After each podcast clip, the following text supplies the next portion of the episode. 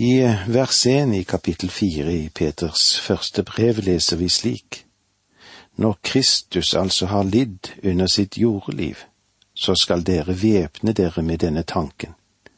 Den som har lidd her i livet, er ferdig med synden.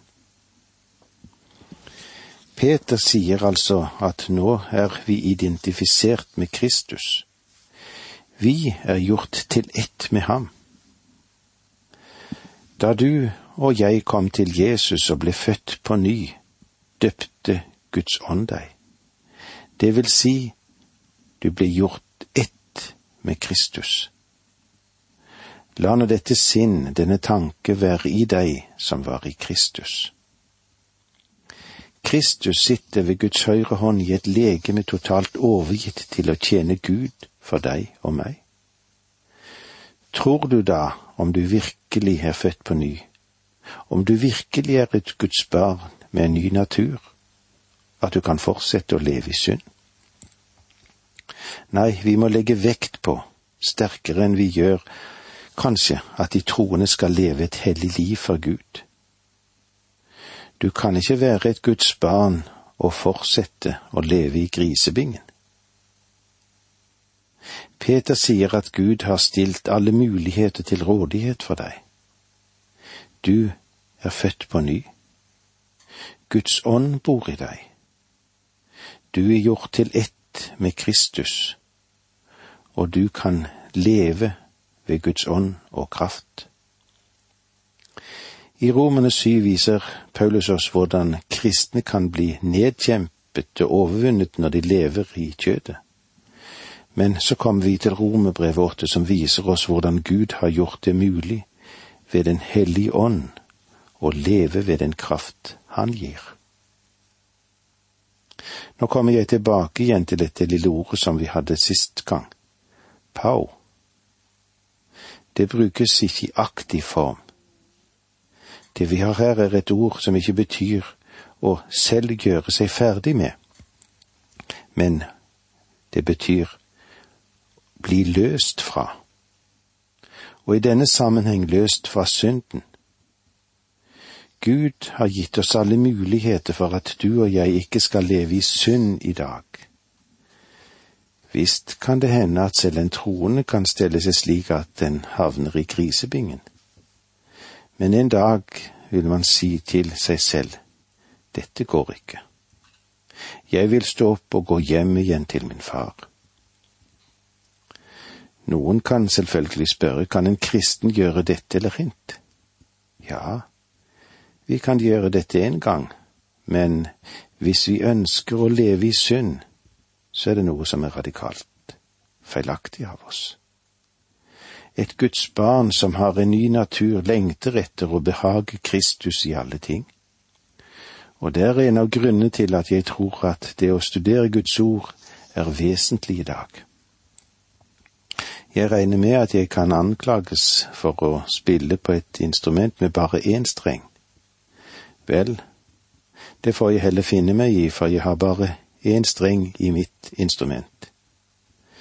Du trenger hele Guds ord, ikke bare noen få vers som du trenger for å ha ditt eget fastlåse system for å leve det kristne livet. Du kan ikke leve kristenlivet bare ved å følge regler du kan bare leve kristenlivet ved å ha Kristi sinn, ved å ha Guds ånd som arbeider i deg for å behage Gud, og avstå fra det som vanærer ham. I vers to i det fjerde kapittelet i første Peter leser vi slik. Derfor skal han ikke lenger følge menneskelige lyster, men leve resten av sitt liv etter Guds vilje. Paulus har noen sterke ord å minne om i denne forbindelsen i Romerbrevet åtte, i det femte og sjette verset der. De som lever etter sine, sin syndige natur, er bare opptatt av det som hører mennesket til, men de som lever etter ånden, er opptatt av det som hører ånden til, for det mennesker av natur trakter etter, fører til død men det Ånden vil, leder til liv og fred. Hva mener Paulus når han sier det mennesker av naturen trakter etter, fører til død? Mister du din frelse? Nei, det betyr at du struper fellesskap med Gud. Sier vi at vi har samfunn med ham, men vandrer i mørket, da lyver vi og følger ikke sannheten, står det i 1. Johannes 1,6. Du kan ikke leve i synd og ha fellesskap med Gud. Det er synden som holder mennesket borte fra Gud og fra Guds ord i dag. Mange mennesker forsøker å finne en snarvei for å leve det kristne livet, men det finnes ingen snarvei. Og Gud sier at han til og med kan bruke motgangen i ditt liv til å holde deg borte fra synd. Derfor skal han ikke lenger følge menneskelige lyster, men leve resten av sitt liv etter Guds vilje. Vi tar ikke lenger for gitt, for vi har lidd, og Gud vil bruke det for å minne om syndens konsekvenser. Når Peter nå fortsetter gjennom dette kapitlet, begynner han å se fremover. Livet er kort. Vi leser vers tre. Det er nok at dere i en tid som er godt har levd på hedensk vis i utesvevelser og sanselighet, i drikk, festing og fyll, og har drevet med forkastelig avgudsdyrkelse. Etter at vi har vendt om, ville det være dårskap å fortsette med det vi gjorde før. Faktisk så kan vi ikke gjøre det. Vi er nå knyttet til Kristus. Vi er forenet med ham og vi kan ikke løpe med verden for å gjøre det som er Han imot. Vi må leve for Gud i dag. Det er en veldig sannhet som ligger i dette. Livet er kort, tiden flyr, og vi må være våkne for at vi skal stå for Hans domstol om ikke så lenge. Har levd på hedensk vis i utesvevelser og sanselighet, i drikk, festing og fyll, og har drevet med forkastelig avgudsdyrkelse. Simon Peter, han taler i klartekst her. Han nevner synden ved navn. De som var fremtredende og dro mennesker bort fra Gud. Utesvevelser, det er å leve i seksuell synd. Sanselighet, det er den generelle trangen til å begjære det som hører kjødet til. Kjødet til. I drikk, festing og fyll trenger ingen store kommentarer. Men jeg tør minne om at fyll ofte startet ikke som en utskeielse, men som et glass i skjønnhet. Men det har endt med et glass i forferdelse. Forkastelig avgudsdyrkelse her inkluderer nok Peter tempel prostitusjon, men også kjærlighet til penger som er rot til alt ondt. Her er noe av det som tar oss, og kanskje tar vår oppmerksomhet bort ifra Gud. Og Peter, han er ikke redd for å fortelle dette klart og tydelig. Det er så mye som står på spill. Menneskers evige skjebne står på spill og han vil ikke tie. Jeg er redd for at det er mange predikanter som er litt forsiktige og utflytende når det gjelder å sette fingeren på det dette dreier seg om. Men her settes alt i klartekst. Dette skrives med kraftige bokstaver, og vi må ikke løpe forbi dette lett og enkelt fordi vi ønsker å forsvare vår egen synd. La oss gjenta for hverandre vers tre. Det er nok at dere i den tid som er gått, har levd på hedensk vis i utesvevelser og sanselighet, i drikk, festing og fyll, og har drevet med forkastelig avgudsdyrkelse. Tenk igjennom dette til vi møtes igjen neste gang. Takk for nå, må Gud være med deg. Dette undervisningsprogrammet består av to deler. Åge Nevland fortsetter nå med andre del av dagens undervisning. Vi er i første Peters brev i kapittel fire, og vi er kommet til vers fire der, og vi leser sammen. Nå undrer de seg fordi dere ikke lenger løper med dem ut i denne strøm av utskeielser, og de spotter dere. Enten vil du leve for å behage Gud eller for å behage mennesker. Og om du bare vil behage mennesker, så skal du ikke undre deg om du kommer i krysningsfeltet der du ikke behager Gud. Den Herre Jesus sa, om verden hater dere, så skal dere vite at den har hatet meg før dere. Slik står det i Johannes 15, 18. Lev ikke med det lave mål at alle mennesker nødvendigvis skal tale vel om deg. Lider du for rettferdighetens sak, så skal du ikke klage. Da jeg var liten gutt, fikk jeg lov til å leve som en kristen. Det var ikke like enkelt alle dager. Noen dager var det opp, noen dager var det ned.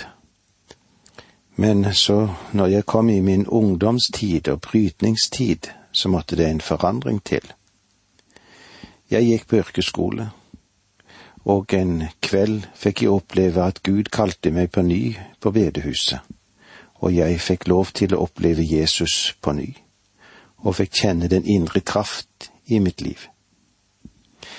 Slik som jeg opplevde det som elev sammen med medelevene, så var jeg vel ansatt, og de tok vel vare på meg før dette.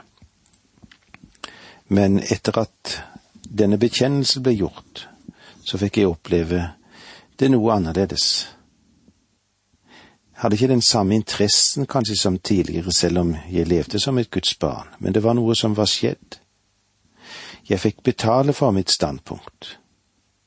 Det har gjort meg sårt mange ganger opp igjennom i livet, men jeg har aldri angret på det valget som jeg tok som ung gutt. Å velge Kristus og bryte med det vante veier kan ofte føre til at andre spotter dere, sier Peter. Men hva gjør det? Jeg tror ikke at vi ønsker å fortsette å gjøre det som mishager Gud når vi er blitt Guds barn. Vi har fått Kristi natur. Du har fått Kristi nye natur. Du er knyttet sammen med ham. Han led her nede en gang, en gang for alle, og han kan hjelpe deg. Og han sendte sin Hellige Ånd for å bo i dem som er hans. Vi er døpt inn i de troendes legeme, som Peter har pekt på oss før, og nå er vi fylt av Den hellige ånd, og vi kan leve for Gud. Vi kan ikke gjøre det i vår egen styrke, men i Hans styrke. Det er vanskelig for de som lever utenfor Guds rike å forstå de kristne. De undrer seg, de undrer seg når eh, vi får oppleve Guds styrke i motgang og i medgang. De som står utenfor dette, de står med undring og ser på de kristne som ikke vil være i lag med dem. Kanskje en ringaktende klang i den sump av utskeielse og skamløshet som alle laster veller inn gjennom hedenskapets flod. Vi leser videre i vers fem i kapittel fire. Men de skal få avlegge regnskap for ham som står klar til å dømme både levende og døde ham som står klar til å dømme både levende og døde. Hele verden, de levende og de døde, vil en dag settes under Jesu dom. Vil han dømme de troende også? Ja, det vil han. Ikke for den frelse som de fikk da de ble Guds barn, men han vil ikke la de troende komme unna med sin synd når han samtidig dømmer verden for den fordi Gud dømmer kristne i verden, han tukter sine barn, så bør den som ikke tror, være enda mer bevisst på det. Og her kommer advarselen om at dommen vil en dag komme. Vers seks. Også for døde er jo evangeliet blitt forkynt, for at de ved ånden skulle leve. like som Gud lever, selv om de er her i verden og var kommet under den dom som rammer alle mennesker. Fordi dommen kommer, ble evangeliet forkynt. Gud ønsker evangeliet forkynt for alle mennesker. Og om de ikke gir sitt gjensvar til evangeliet, så gjør han det helt klart at de er allerede døde i overtredelser, og de vil bli dømt som alle mennesker i kjødet. Men om de tar imot Kristus, så kan de leve for Gud i ånden. Den Herre Jesus sa i Johannes 5, 24. Sannelig, sannelig, jeg sier dere, den som hører mitt ord og tror på ham som har sendt meg, han har evig liv og kommer ikke for dommen, men er gått over fra døden til livet. Mennesket var altså i dødens situasjon. Jesus utdyper denne tanken ved Lasarus' død. Jesus sier til henne, til Martha, Jeg er oppstandelsen og livet. Den som tror på meg skal leve om han enn dør. Og hver den som lever og tror på meg skal aldri i evighet dø. Tror du dette? Med andre ord var du og jeg i dødens situasjon. Paulus mente det samme da han skrev til efeserne, i det første verset i kapittel to. Dere var en gang døde på grunn av deres misgjerninger og synder. Vi var åndelig døde. Paulus fortsatte med å si i det samme kapitlet. Dere levde på den nåværende verdens vis og lot dere lede av herskeren i luftens rike. Vi som var døde på grunn av våre synder. Og Peter sier det samme i dette verset. Evangeliet er blitt forkynt, og når evangeliet forkynnes, da hender det to ting. Noen tar imot det, og om de gjør det, så skal de kunne leve for Guds åsyn og leve i evighet. Andre, de som fornekter det. De som fornekter evangeliet, er mennesker som er døde i synder og døde for Gud gjennom evigheten. Det vil si at de ikke har noe forhold til, han, til ham i det hele tatt. De har ikke noe fellesskap. Vers sju. Slutten på alle tingene er. Vær derfor sindige og nøkterne, så dere kan be. Slutten på alle ting er nær. Dette har vært sant siden den dag den Herre Jesus ble tatt opp igjen til himmelen. Paulus kunne si at Kristi komme var forestående. I Titus 2,13 leser vi slik. Mens vi venter på at vårt håp skal få sin salige oppfyllelse, og at vår store Gud og Frelse Jesus skal komme til syne i herligheten. Peter sier slutten på alle ting er nær. Gud vil en dag stoppe verden mens, mens han dømmer den. Han vil hente sine egne ut av verden, og det vil være en hel del som trenger å rettes opp i de troendes liv. De vil komme for Kristi domstol, ikke for å bli fradømt sin frelse, men for å motta sin lønn. Vurdert etter det liv som har vært levd for Gud og det er ennå en grunn til at vi burde leve helt for Herren. Vi skal stå for Hans domstol. Vær derfor sindige og nøkterne så dere kan be. Sindige kan også bli oversatt med klartenkte. Peter brukte dette uttrykket ganske ofte. Han synes å mene vær intelligente, bruk den fornuft dere har fått. Vær intelligente som kristen, blant annet ved å kjenne til Skriften. Du bør kjenne Bibelen, det vil si å kjenne den så godt som mulig. Det betyr ikke at vi skal kunne den til, til bunns. For min oppdagelse er jo at jo mer jeg leser Bibelen, jo mer får jeg oppdage hva som finnes der. Og når jeg kommer tett inn i Skriften, da får jeg virkelig se hvor lite jeg egentlig vet om Guds ord. En intelligent, nøktern kristen vil sette seg inn i grunnboken først og fremst. sette inn i Bibelen. Finn ut hva den har å si til deg. En kristen skal også være intelligent i denne verden. Den Herre Jesus sa til sine disipler, Vær kloke som slanger og troskyldige som duer. Så dere kan be. Med andre ord skulle bønnen ha i seg den forventning at Kristus kommer. Og kanskje bønnemøter ofte blir fattige fordi de ikke ser etter ham. Han er den levende Kristus. Vi burde lære oss å snakke med ham nå, for at vi skal snakke med ham gjennom alle evigheter. Og eh, ved dommen skal han tale til oss.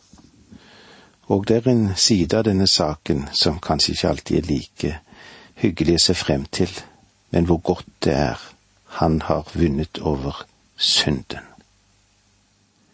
Det var så langt vi kom i dag. Takk for nå, må Gud være med deg.